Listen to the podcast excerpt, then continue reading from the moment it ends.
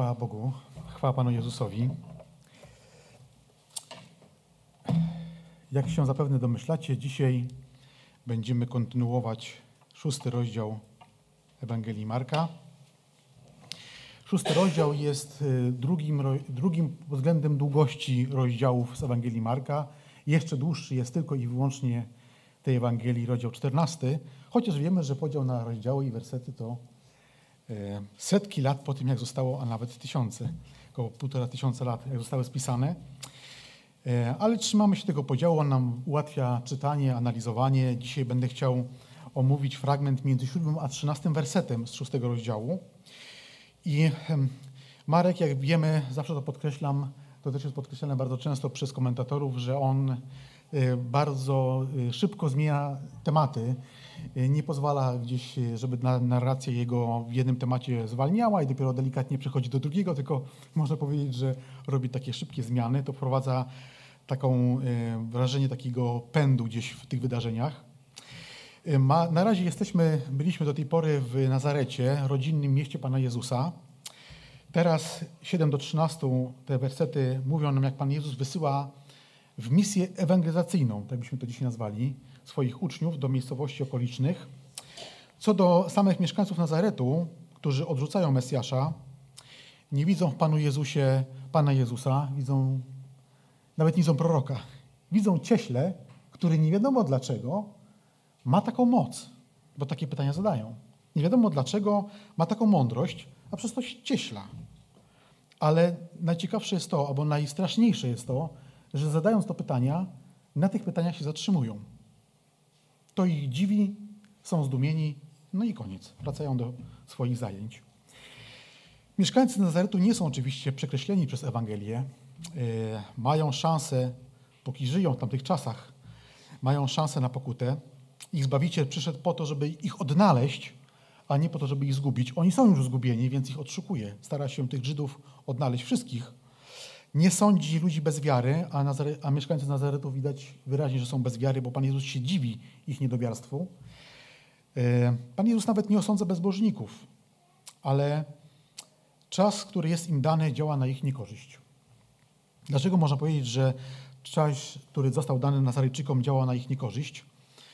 I myślę, że ich wzór jest takim wzorem, dla, który można przełożyć z nich samych na wszystkich ludzi. Dlaczego czas na przyjęcie Ewangelii działa na, ich nieko, na niekorzyść ludzi, chociaż jeszcze Pan Jezus nie wraca? Otóż ludzie z powodu zagnieżonego w swoich sercach grzechu, postawieni wobec wielkiej łaski Boga, jaką jest Ewangelia o Panu Jezusie, i odrzucają tą Ewangelię, to mają tendencję w utwierdzaniu się w tej decyzji, czy zatwardzaniu swojego serca. Jeśli świadomie, uporczywie odrzucam zbawienie, które jest w Chrystusie, mogę swoje serce doprowadzić do takiego stanu, w którym już nie będę zdolny do pokuty. I mamy takie przykłady w Piśmie Świętym wiele. Mm, no, pewnie kojarzy nam się najszybciej Judasz.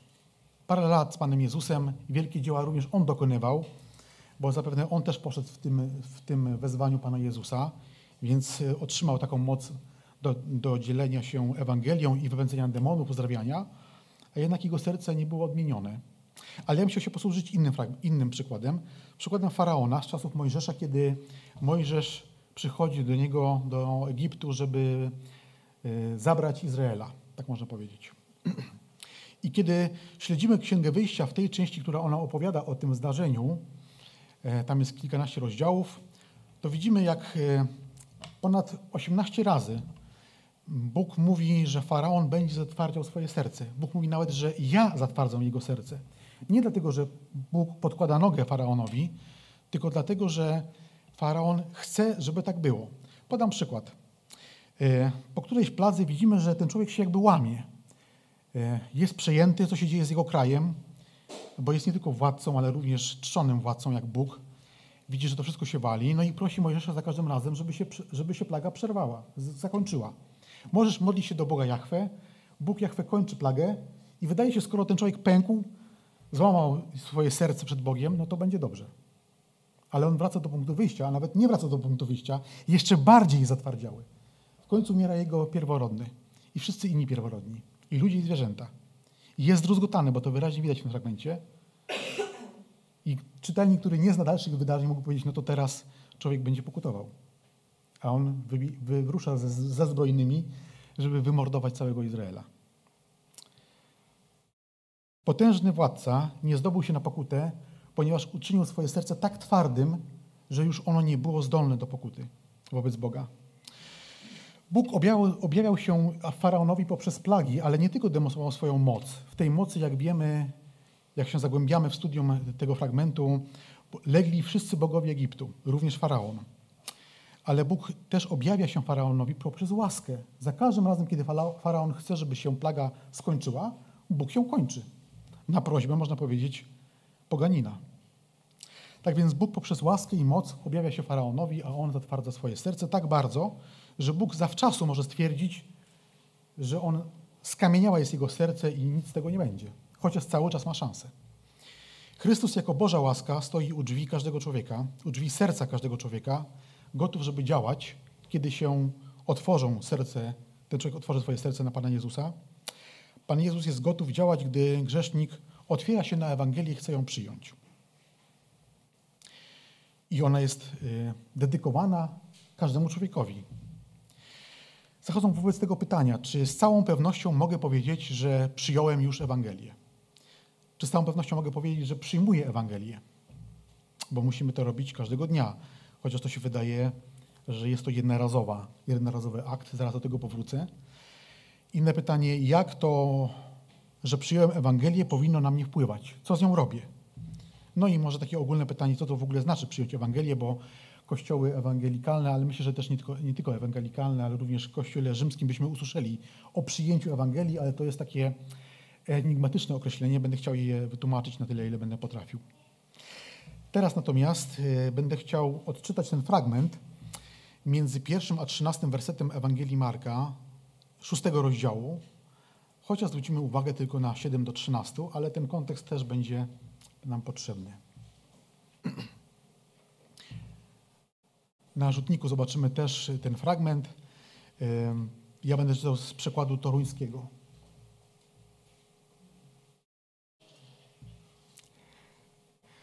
Poczekam na, na, na to, jak się pojawi na naszym rzutniku.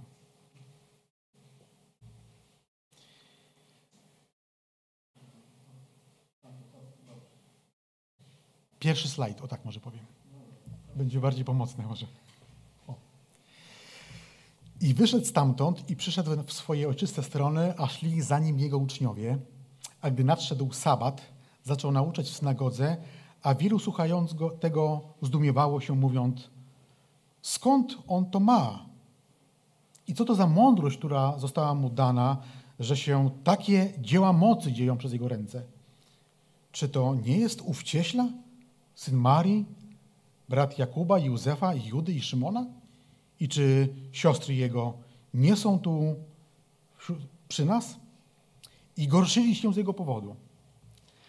A Jezus powiedział do nich: Nigdzie prorok nie jest pozbawiony, czci, tylko w swojej ojczyźnie i wśród swoich krewnych i w swoim domu.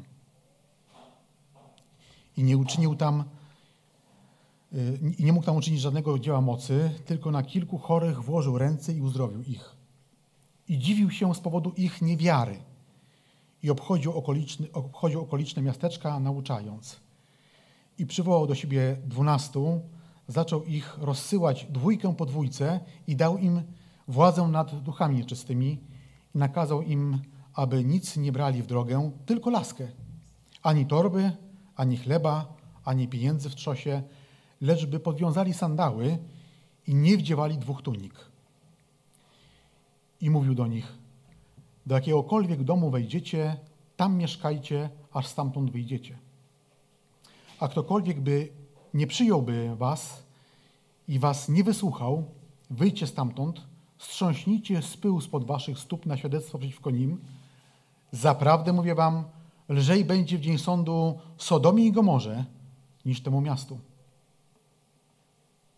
A oni wyszli głosząc by ludzie się upamiętywali. I wyrzucali wiele demonów, i wielu chorych namaszczali oliwą i ich uzdrawiali. Jak zauważyliśmy na pewno podczas tych slajdów, to ten dwunasty werset jest wytłuszczony, szczególnie jego druga część, dlatego że ten dwunasty werset jest y, kanwą, można powiedzieć, czy, czy tematem przewodnim y, tego kazania. Pan Jezus mówi, znaczy Marek tutaj opisuje, że a oni wyszli głosząc, by ludzie się upamiętywali, a w przykładzie UBG mamy wtedy wyszli i głosili, że ludzie powinni pokutować. Słowo pokutować, upamię upamiętać się czy nawrócić się będę używał zamiennie, bo tak też jest używane w naszych Bibliach. Mamy różne tam słowa używane. Pokutować, upamiętać się, nawrócić się znaczy to samo w zasadzie. Ja też będę używał tego słowa jako synonimów.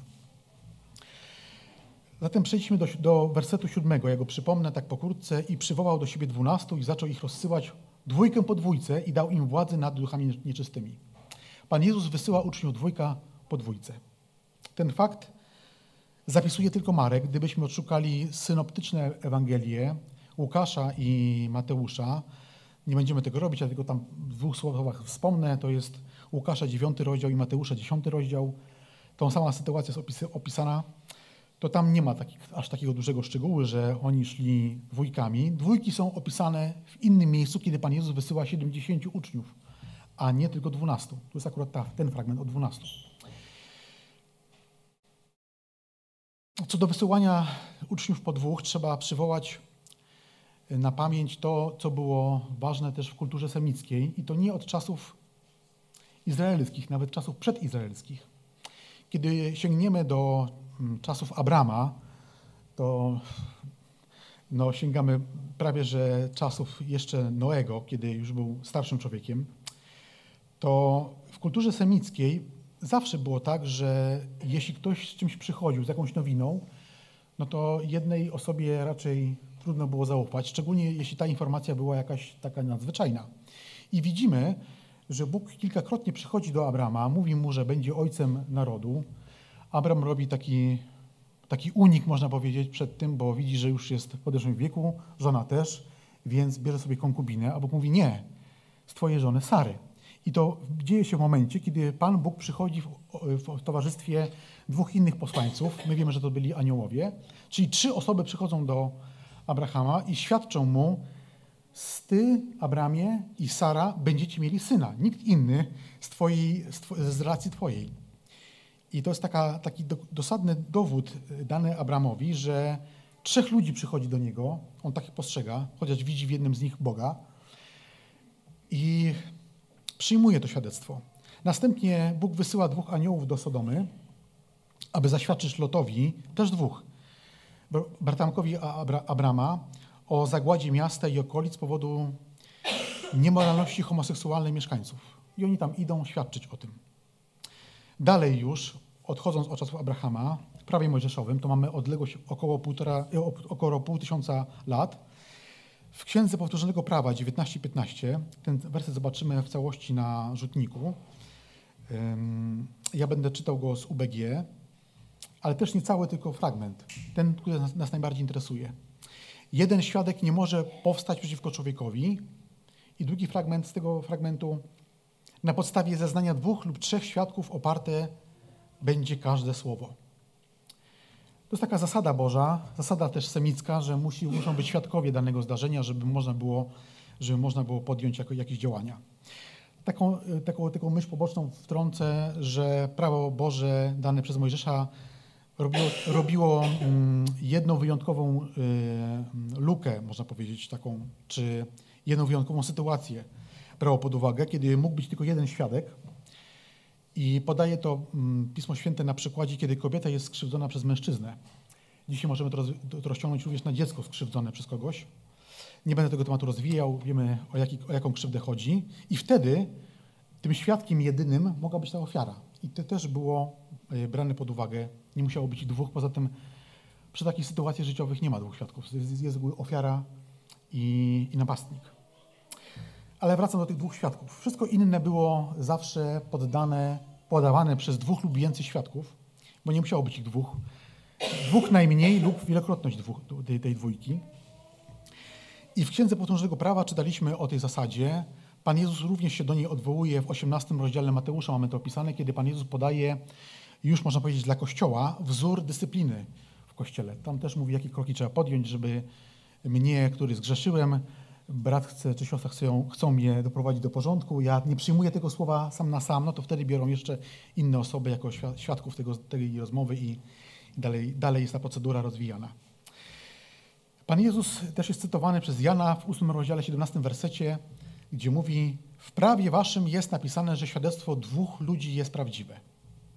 W innych fragmentach Nowego Testamentu, liście do Koryntian, drugim do Koryntian 13:1, Hebrajczyków 10:28 i jeszcze innych fragmentach jest, jest mowa o tym, że dwóch lub więcej świadków mogła, należy brać pod uwagę, bo jest to w tej kulturze przyjęte jako, jako świadczenie czegoś prawdziwego. I to też nie chodzi o świadków, którzy zasłyszeli, zasłyszeli od kogoś o jakimś wydarzeniu, czyli może być to plotka, tylko musi być to y, dwóch lub więcej ludzi, którzy byli osobiście świadkami danego zdarzenia i widzieli to i słyszeli to osobiście, a nie słyszeli z drugiej ręki. Zatem Pan posyła, Pan Jezus posyła uczniów po dwóch, ponieważ takie świadectwo jest zgodne i godne przyjęcia przez Żydów, którzy rozumieją, że jeśli przychodzi dwóch ludzi i opowiada im o czymś, co jest ważne, to to świadectwo jest godne przyjęcia. I to było, to było bardzo ważne dla Żydów, ponieważ oni mieli usłyszeć y, orędzie o pokucie. Dlaczego Żyd miał słuchać orędzia o pokucie? Przecież on był z narodu wybranego. To my będziemy zbawieni. Chociaż to wybranie nie na tym polegało. Bóg nie powiedział, że będziecie zbawieni, będziecie, wybieram was po to, żebyście byli zbawieni. Po to, żebyście byli moim ludem. Ale wiadomo, że ludzie mają tendencję do dopisywania czegoś więcej niż Bóg mówi.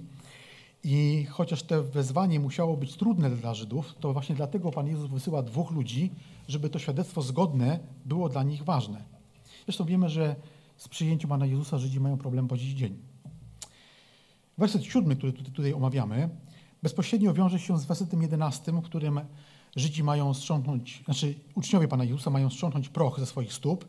Nie będę teraz tego jedenastego omawiał, ale pokazuję tylko tą relację między siódmym a jedenastym. Zaraz do jedenastego dojdę. Wysłanie po dwóch ma swoją podstawę biblijną, ale również kulturową. Na przykład w Kaznodziei 4.9 czytamy, że lepiej jest dwóm niż jednemu. To też ma z tym związek. Dwaj mogą sobie pomóc. E, dwaj zwracają sobie uwagę wtedy, kiedy jeden gdzieś zabłądzi. Potrafią nawzajem docenić swoje mocne strony, powiedzieć o słabych. Jeden drugiego go może podnieść na duszy, jeśli pojawią się wątpliwości albo zniechęcenie.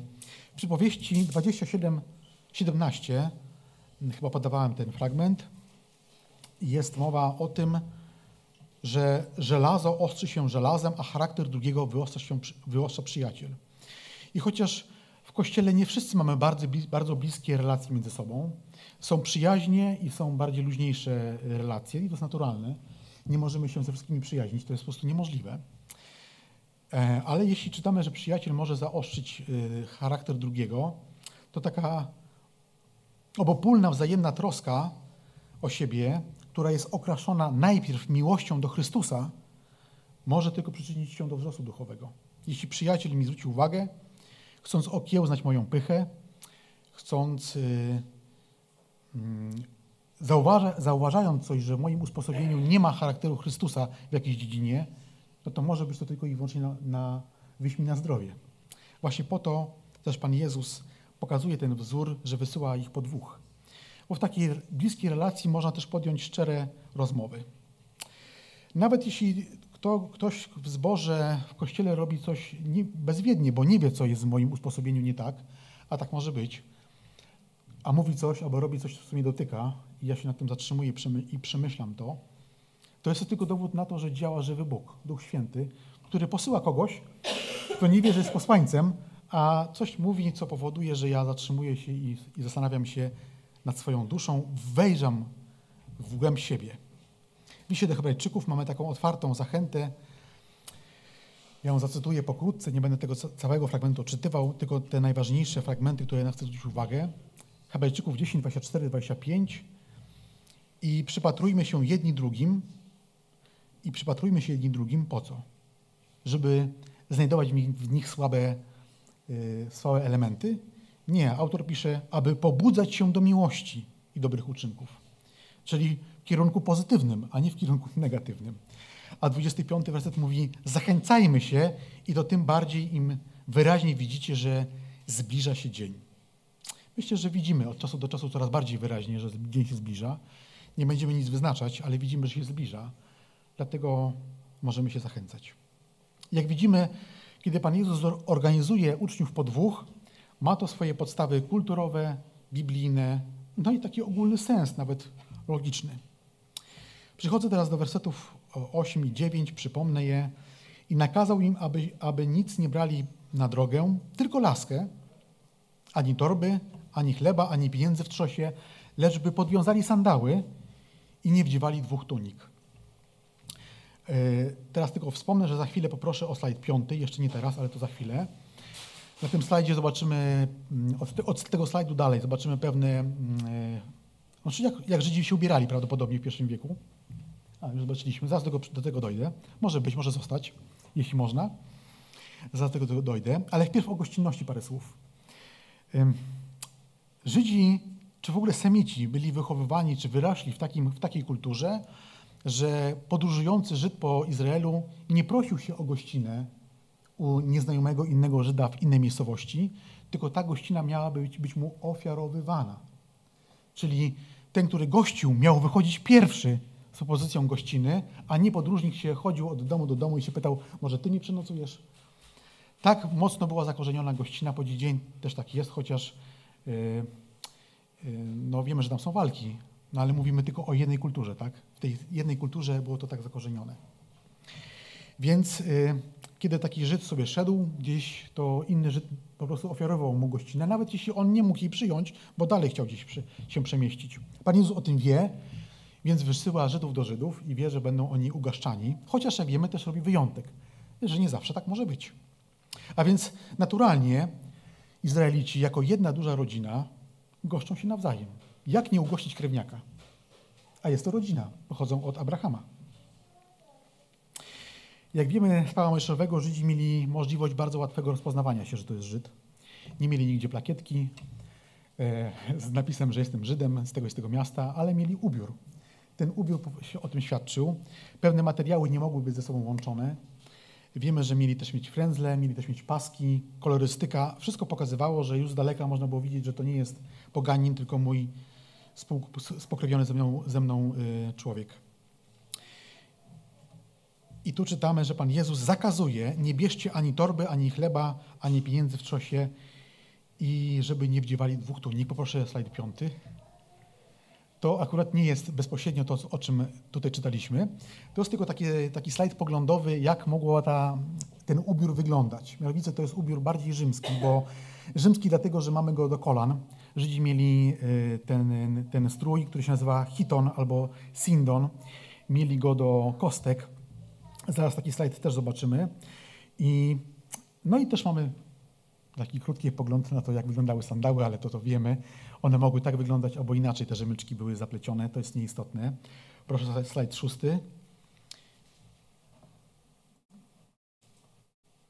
Tutaj mamy już y, bardziej, bardziej no, taki typowo żydowski strój.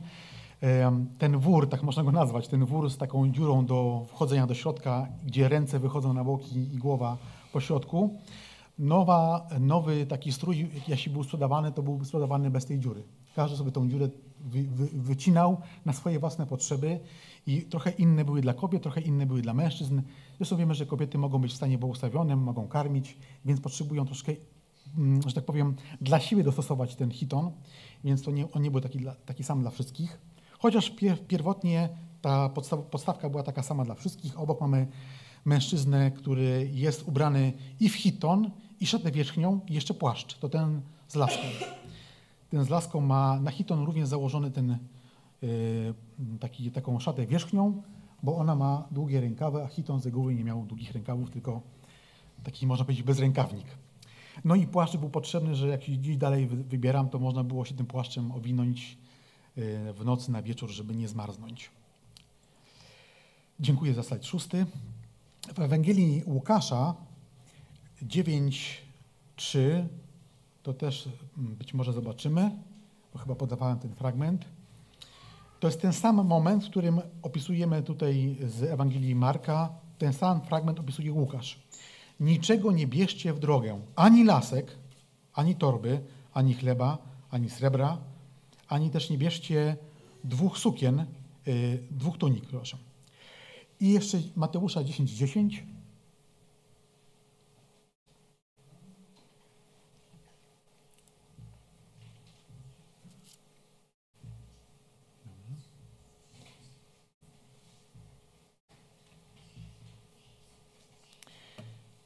Też go odczytam. Ani torby na drogę, ani dwóch sukien, ani sandałów, ani lasek. Zapewne kojarzymy sobie, że Marek mówił o tym, że laskę mogą wziąć, a sandały mają podwiązać. A Łukasz i Mateusz twierdzą z całą pewnością, że nie, że mają pójść na bosaka i bez laski. Czemu takie różnice? To się wiąże, zrozumienie tego wiąże się, tych różnic, z tym, że nie możemy tak po prostu ze sobą złożyć tych Ewangelii jak dwóch równorzędnych, w tym samym momencie składanych relacji, pisanych do tych samych ludzi. Musimy to czytać Pismo Święte najpierw z punktu widzenia, jeśli chcemy go zinterpretować, z punktu widzenia ludzi, do których ono było kierowane. Bo nie było w pierwszym, w pierwszym, y, w pierwszej, w pierwszym znaczeniu kierowane do nas jeśli na początek było kierowane do jakichś ludzi pierwotnych, którzy je czytali jako pierwsi, to wtedy zrozumiemy, jak to wszystko się ze sobą składa. Otóż Marek, jak wiemy, pisze swoją Ewangelię do nieżydów, ludzi, którzy nie rozumieją żydowskiego sposobu wyrażania myśli.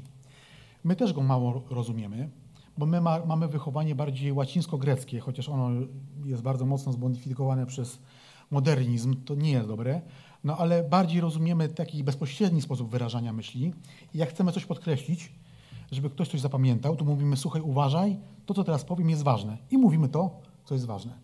Żydzi tak nie robili. Dzisiaj słuchaliśmy psalm 145. Oczywiście to jest poezja, ale tam też jest ta myśl hebrajska zawarta.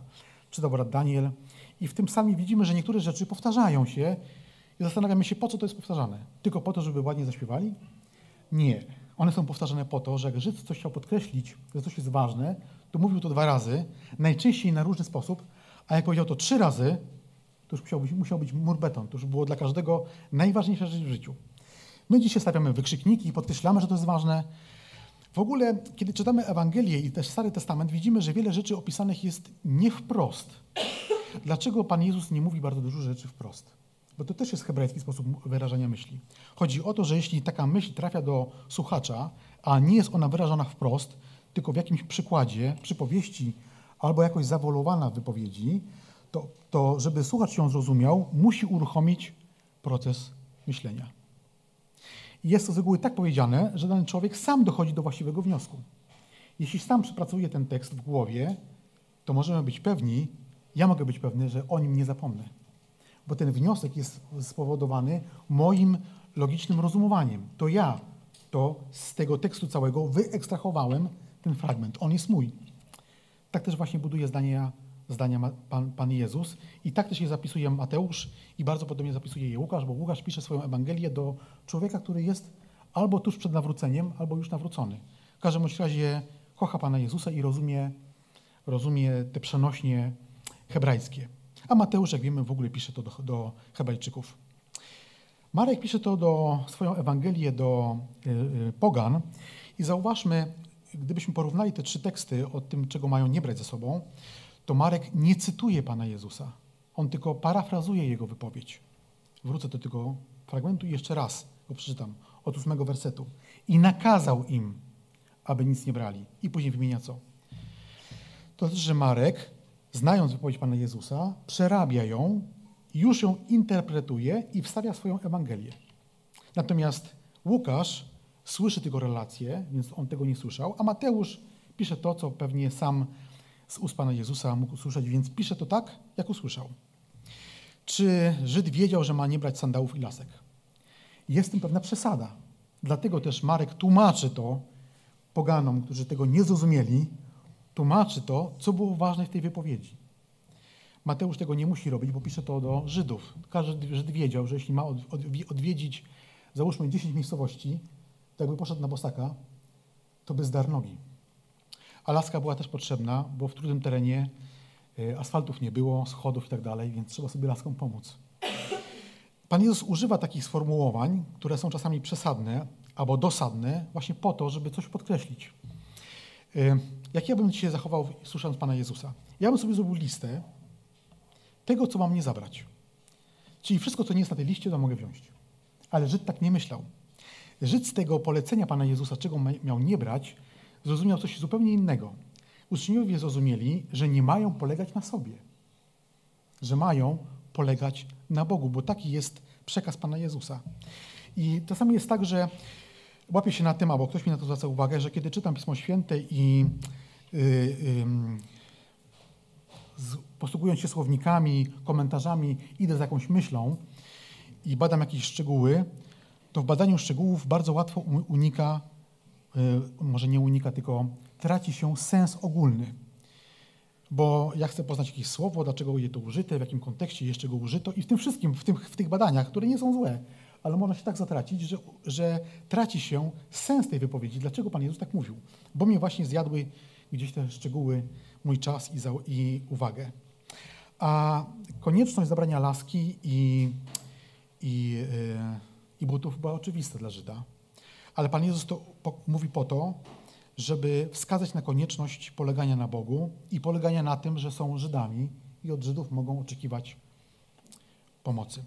Jeszcze tutaj w Ewangelii Mateusza w Grece jest tak te zdanie zbudowane, że kiedy Mateusz pisze, że ani torby na drogę, ani dwóch sukien i sandałów, czy ani sandałów, to niektórzy badacze, którzy znają Grekę, rozumieją to w taki sposób, że ta wypowiedź ani dwóch sukien, ani sandałów, to znaczy, żeby też nie brali sandałów na zmianę. To też można wziąć pod uwagę, bo tak też jest ten fragment tłumaczony, że stąd wynikają te różnice. Tak więc nie możemy oczekiwać, że Ewangelie będą jota w jotę to, to samo mówiły, bo odbiorcy są inni i czasami Marek tłumaczy to, co Żyd rozumie, tłumaczy dla Greków w innej formie, podając tekst. Więc sprzeczności nie ma. Yy, bardzo proszę slajd siódmy. Tutaj zobaczymy w tym slajdzie siódmym yy, dwóch Żydów. Jeden Żyd jest wyposażony, wyposażony do podróży po ludzku, a drugi Żyd jest wyposażony do podróży według Chrystusa. Nie będę wskazywał, który, musimy to sami już zobaczyć, który jest który. Więc tak mniej więcej mógł wyglądać jeden i drugi, gdyby się spotkali. Jeden był w podróży i drugi był w podróży. Jeden polegał na sobie, a drugi polegał tylko na Bogu. Dziękuję za ten slajd. E, więc wracając do tego rozważania, Pan Jezus mówi o całkowitym poleganiu na Bogu i nie można głosić Ewangelii, i Pan Jezus też przez to mówi też swoim uczniom, że nie mogą głosić Ewangelii o pokucie, nie mogą ludzi wzywać do zmiany myślenia, która była trudna dla Żyda, żeby przyjąć w ogóle wezwanie do pokuty, no bo dlaczego on ma pokutować, skoro ma świątynię? On jest narodem wybranym. Więc takie twarde orędzie może głosić człowiek, który sam tak żyje. Więc kiedy przychodził do kogoś podróżny, który nie był przygotowany na podróż, no bo widać, że nic nie ma ze sobą, i mówił o wezwaniu do pokuty, bo wysłał mi Mesjasz, to można powiedzieć, że jego wygląd mówił: Ja to głoszę, bo ja tak żyję. Ten przekaz był jeszcze mocniejszy. Myślę, że to też miało znaczenie. Zatem zakazy Pana Jezusa oznaczają, że uczniowie Pana Jezusa muszą w zupełności polegać na Bożym zaopatrzeniu, a nie na własnym sprycie, umiejętnościach, pieniądzach, etc. Zresztą, kiedy śledzimy też przykłady nowożytne, XVIII-XIX wiek, XX, kiedy gdzieś misjonarze wyruszają, to widzimy, że czasami e, są świetnie przygotowani, a okazuje się, że całe przygotowanie Bóg zabiera. E, jakbyśmy sięgnęli do niektórych książek, jak tam chrześcijanie się wyruszają gdzieś na e, dalekie tereny, do Chin czy do Ameryki Południowej, to byli świetnie przygotowani, ale Bóg to wszystko zabrał. Albo burzą, albo jakimiś innymi rozruchami i on był bez niczego. Zaczynał od zera, ale nic mu nie zabrakło. To jest niezwykłe. Cały czas polegaj na Bogu. Przechodzę teraz do wersetów 10 i 11. Wcześniej wspominałem o tym, że siódmy się wiąże z 11. Przypomnę ten fragment. I mówił do nich, do jakiegokolwiek domu wejdziecie, tam mieszkajcie, aż stamtąd wyjdziecie, a ktokolwiek by nie przyjął was, ani was nie wysłuchał, wyjdźcie stamtąd. Strząśnijcie pył spod waszych stóp na świadectwo przeciwko nim. Zaprawdę mówię wam, lżej będzie w dzień sądu Sodomie i Gomorze niż temu miastu. Mamy tu polecenie strząśnijcie pył spod waszych stóp. To też nawiązuje do tego, co było znane Żydom. To ten gest nie był zupełnie nieznany, nie był, nie, był, nie był on zdziwieniem, co robią ci uczniowie, kiedy wychodzą i strząchają pył ze swoich stóp. Yy, tutaj proszę o slajd ósmy. To będzie mapa.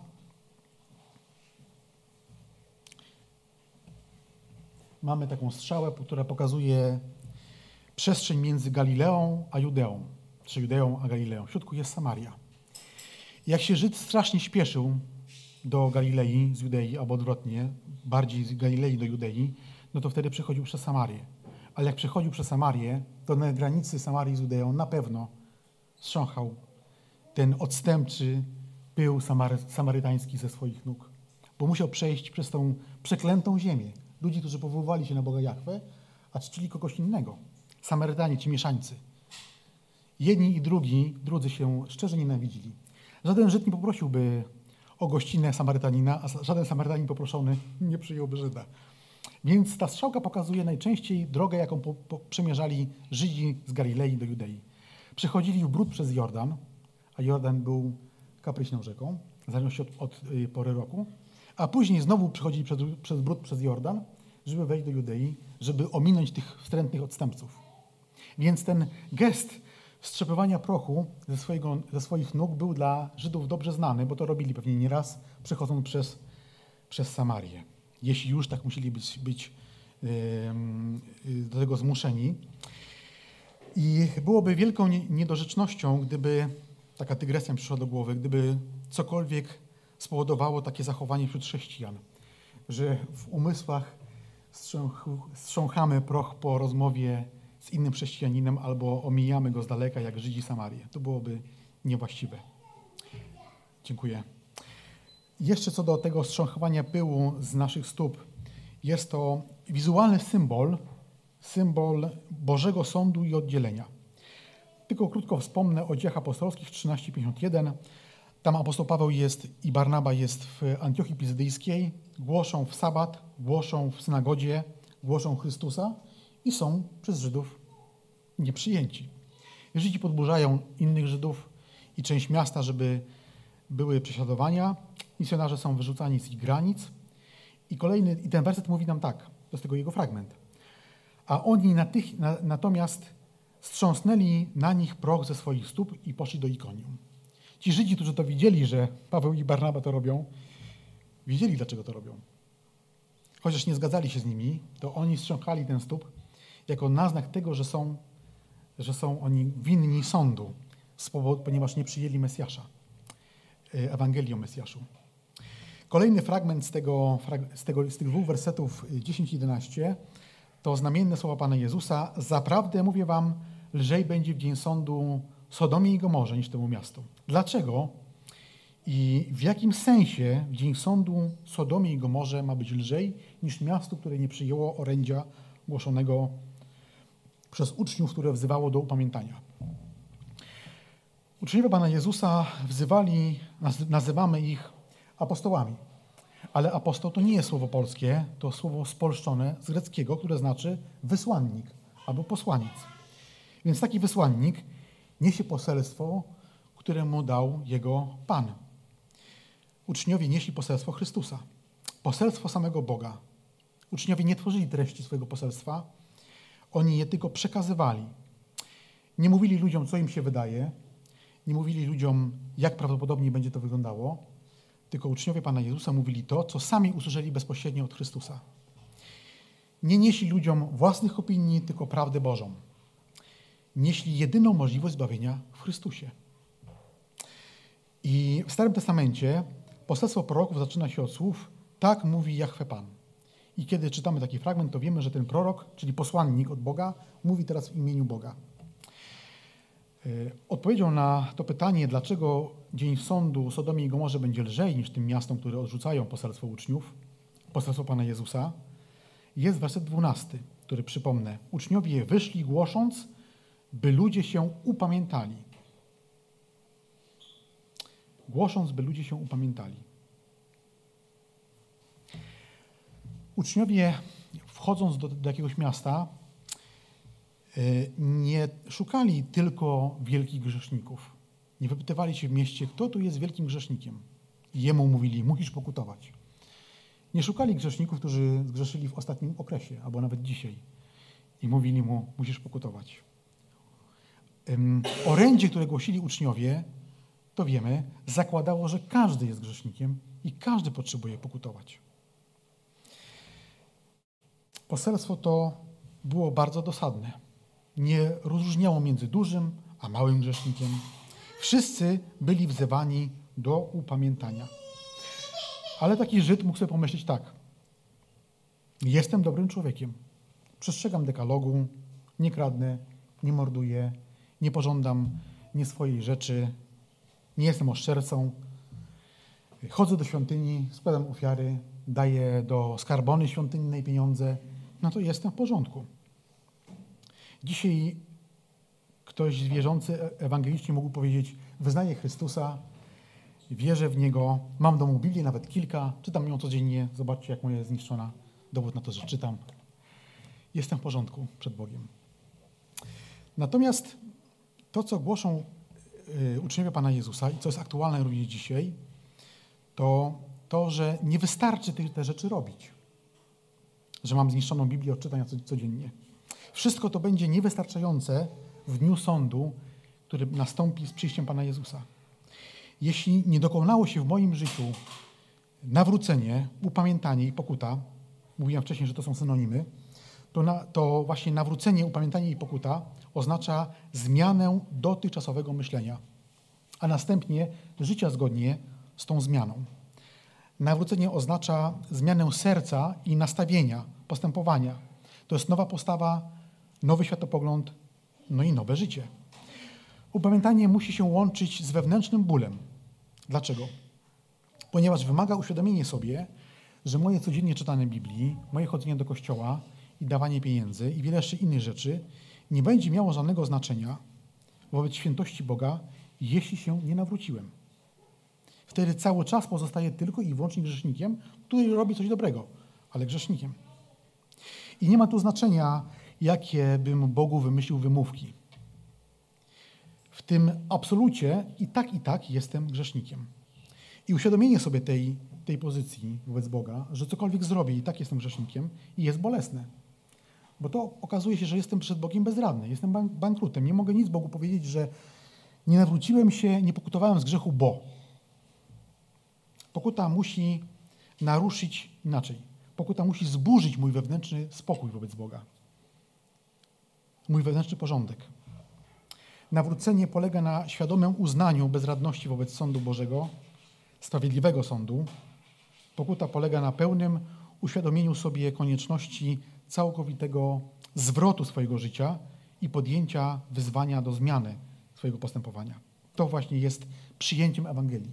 Przyjmując Ewangelię, to godzę się na to, że przed Bogiem nie mogę niczym się popisać. Ewangelia składa się z dwóch części. Chociaż my mówimy o Ewangelii w jednej całości, ale można je na dwie części podzielić. Pierwsza to to, że ona ma uświadomić grzesznikowi, że jest zgubiony, że jest potępieńcem. A druga to to, że nie musi tak być że może mieć z Bogiem relację. Ta druga część Ewangelii mówi, że dzięki Chrystusowi potępieniec może być synem. Grzesznik nie jest skończony, nie jest zgubiony. W Chrystusie jest dzieckiem Bożym. W jednym zdaniu nawrócenie, upamiętanie czy pokuta jest to gotowość porzucenia skupionej na sobie przeciwnej woli Boga egzystencji na rzecz życia rządzonego i kierowanego wyłącznie według woli Boga. Oczywiście, tutaj muszę to zaznaczyć, takie dopełnienie nawrócenia nie odbywa się w moich siłach. Ja nie jestem w stanie odmienić swojego życia. Jeśli bym to robił sam, to i tak upadnę znowu w ten grzech. Więc konieczne jest działanie Boga, Ducha Świętego, który widzi skruszone serce i działa. Bóg nie odmawia takiego działania. Kiedy ktoś się zdobywa na wejrzenie w siebie, chce tego wejrzenia w swoje sumienie, Duch Święty działa, aby to nawrócenie dokonało się. Jeśli teraz stwierdzasz, że jeszcze się nie nawróciłeś, to bez względu na to, jak długo chodzę do kościoła, to dzisiaj jest dzień łaski, dzisiaj jest dzień na przyjęcie Ewangelii. I to nie jest wstydem, żeby po latach chodzenia do kościoła wyznać Bogu w modlitwie, a nawet przed zgromadzeniem, że dzisiaj chcę się nawrócić. Dlaczego? Dlatego, że niepomiernie większym wstydem będzie stanięcie przed sądem Bożym. To będzie wstydem. Każdy z nas jest grzesznikiem i każdy może posłużyć się chociażby czymś takim. To nie jest jakaś recepta, ale taki pomysł. Pomóc się upamiętanie o Ducha Świętego, aby Bóg Ojciec doprowadził Cię do Chrystusa. Jeśli już jednak przyjąłem Ewangelię, już pokutowałem, to co z nią robię? Jak Ewangelia wpływa na całe, mm, całe moje wnętrze? To są ważne pytania dla ludzi nawróconych, których Duch Święty odmienił, postawił w nowej rzeczywistości, ponieważ upamiętanie to nie koniec upamiętywania się. To jeszcze nie koniec podróży za Panem Jezusem. Upamiętywanie się, specjalnie tutaj używam takiej formy ciągłej, czy nawracanie się, czy pokutowanie, jest koniecznością dla każdego chrześcijanina, aż do dnia, w którym przyjdzie Chrystus i obdarzy nas nowymi ciałami, na wzór podobnego do siebie uwielbionego ciała, które nie będzie miało grama grzechu i bez grama pokusy do grzechu. I wtedy już nie będę musiał pokutować, ale do tego momentu, do tego momentu tak. Oczywiście te pierwsze, najważniejsze nawrócenie łączy się z odrodzeniem z Ducha Świętego. Jest ono jedyne, niepowtarzalne i jedno w życiu. Jedyne w swoim rodzaju. Jednak to jeszcze nie powoduje, że jestem zawsze wszędzie czysty. Mogę coś powiedzieć, coś zrobić, coś pomyśleć, a z tym jest najtrudniej, żeby nad myślami panować, co może być właśnie drogą do grzechu. Chrystus to pokutowanie czy walkę ze sobą opisuje takim obrazem wzięcia na siebie swojego krzyża. Czyli zmaganie się z moim wewnętrznym grzechem, który chce mnie w jakiś sposób złamać. Powstaje pytanie, czy oddaję się własnemu osądowi, osądowi samego siebie, szukając Bożego prowadzenia na podstawie Jego słowa, oświecenia przez Ducha Świętego, mojego grzechu, tak aby mm, aktualnie cały czas wiedzieć, w jakim jestem stanie przed Bogiem. I myślę, że dopilnowywanie w świetle Pisma Świętego i błaganie Ducha Świętego, dopilnowywanie y, wyznawania poprawnych doktryn jest drugorzędne w dopilnowywaniu swojego pokutowania przed Bogiem, własnego serca i mojego sumienia. A dopiero później mogę się zająć to, czy dobrze wyznaję Boga, czy mam jeszcze coś do, do, do poprawki. Takie osobiste pytanie, czy dziś również moja dusza była, czy jest czysta przed Panem? Chciałbym, chciałbym ja chciałbym w taki, w taki sposób kończyć każdy dzień. Wyznaję, że tak nie kończę. Może być tak, że zasypiam sobie myśląc, że wszystko w porządku, ale nie badając swojego sumienia, czy nie prosząc, żeby Bóg je przebadał, być może kładę się spać i pewnie tak było nieraz. Bez pokuty nad czymś, co nawet nie zauważyłem, a może nie chciałem zauważyć. W Królestwie Niebios nie będzie ludzi niepokutujących. Wejdą tam tylko ci, którzy uświadomili sobie swoje grzechy, pokutowali, wyznawali, porzucali je dzięki Duchowi Świętemu, dlatego otrzymali przebaczenie, które jest równoznaczne z wewnętrznym pokojem serca. Pan Jezus ym, powiedział, zaprawdę lżej będzie w dzień sądu Sodomie i Gomorze niż temu miastu. Dlaczego? Reasumując to. Odrzucenie Pana Jezusa, odrzucenie Chrystusa jest największym i pierwszym grzechem. Dla każdego człowieka, który może popełnić grzesznik. Dlatego Pan Jezus mówi o lżejszym sądzie Sodomy niż, taki, niż takiego miasta, ponieważ Sodoma i Gomora nie stanęła wobec orędzia o Panu Jezusie. Oni nie słyszeli o wybawieniu. Oni słyszeli raczej o sądzie.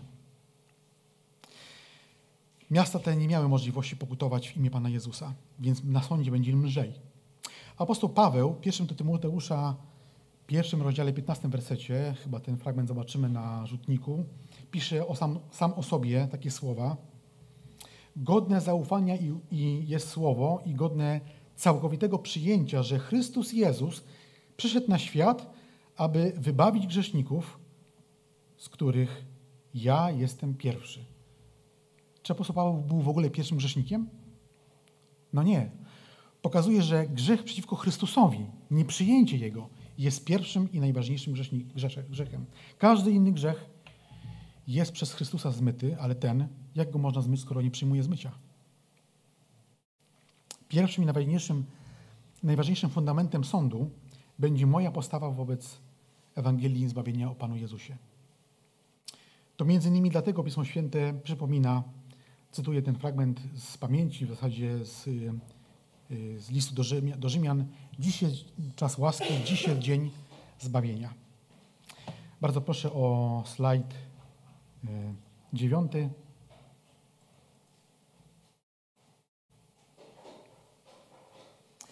To jest drugi list Piotra 3,9. Pan nie zwleka z dotrzymaniem obietnicy, jak niektórzy uważają, że zwleka, ale jest cierpliwy wobec nas, bo nie chce, aby ktoś zginął, lecz aby wszyscy doszli do upamiętania. Amen.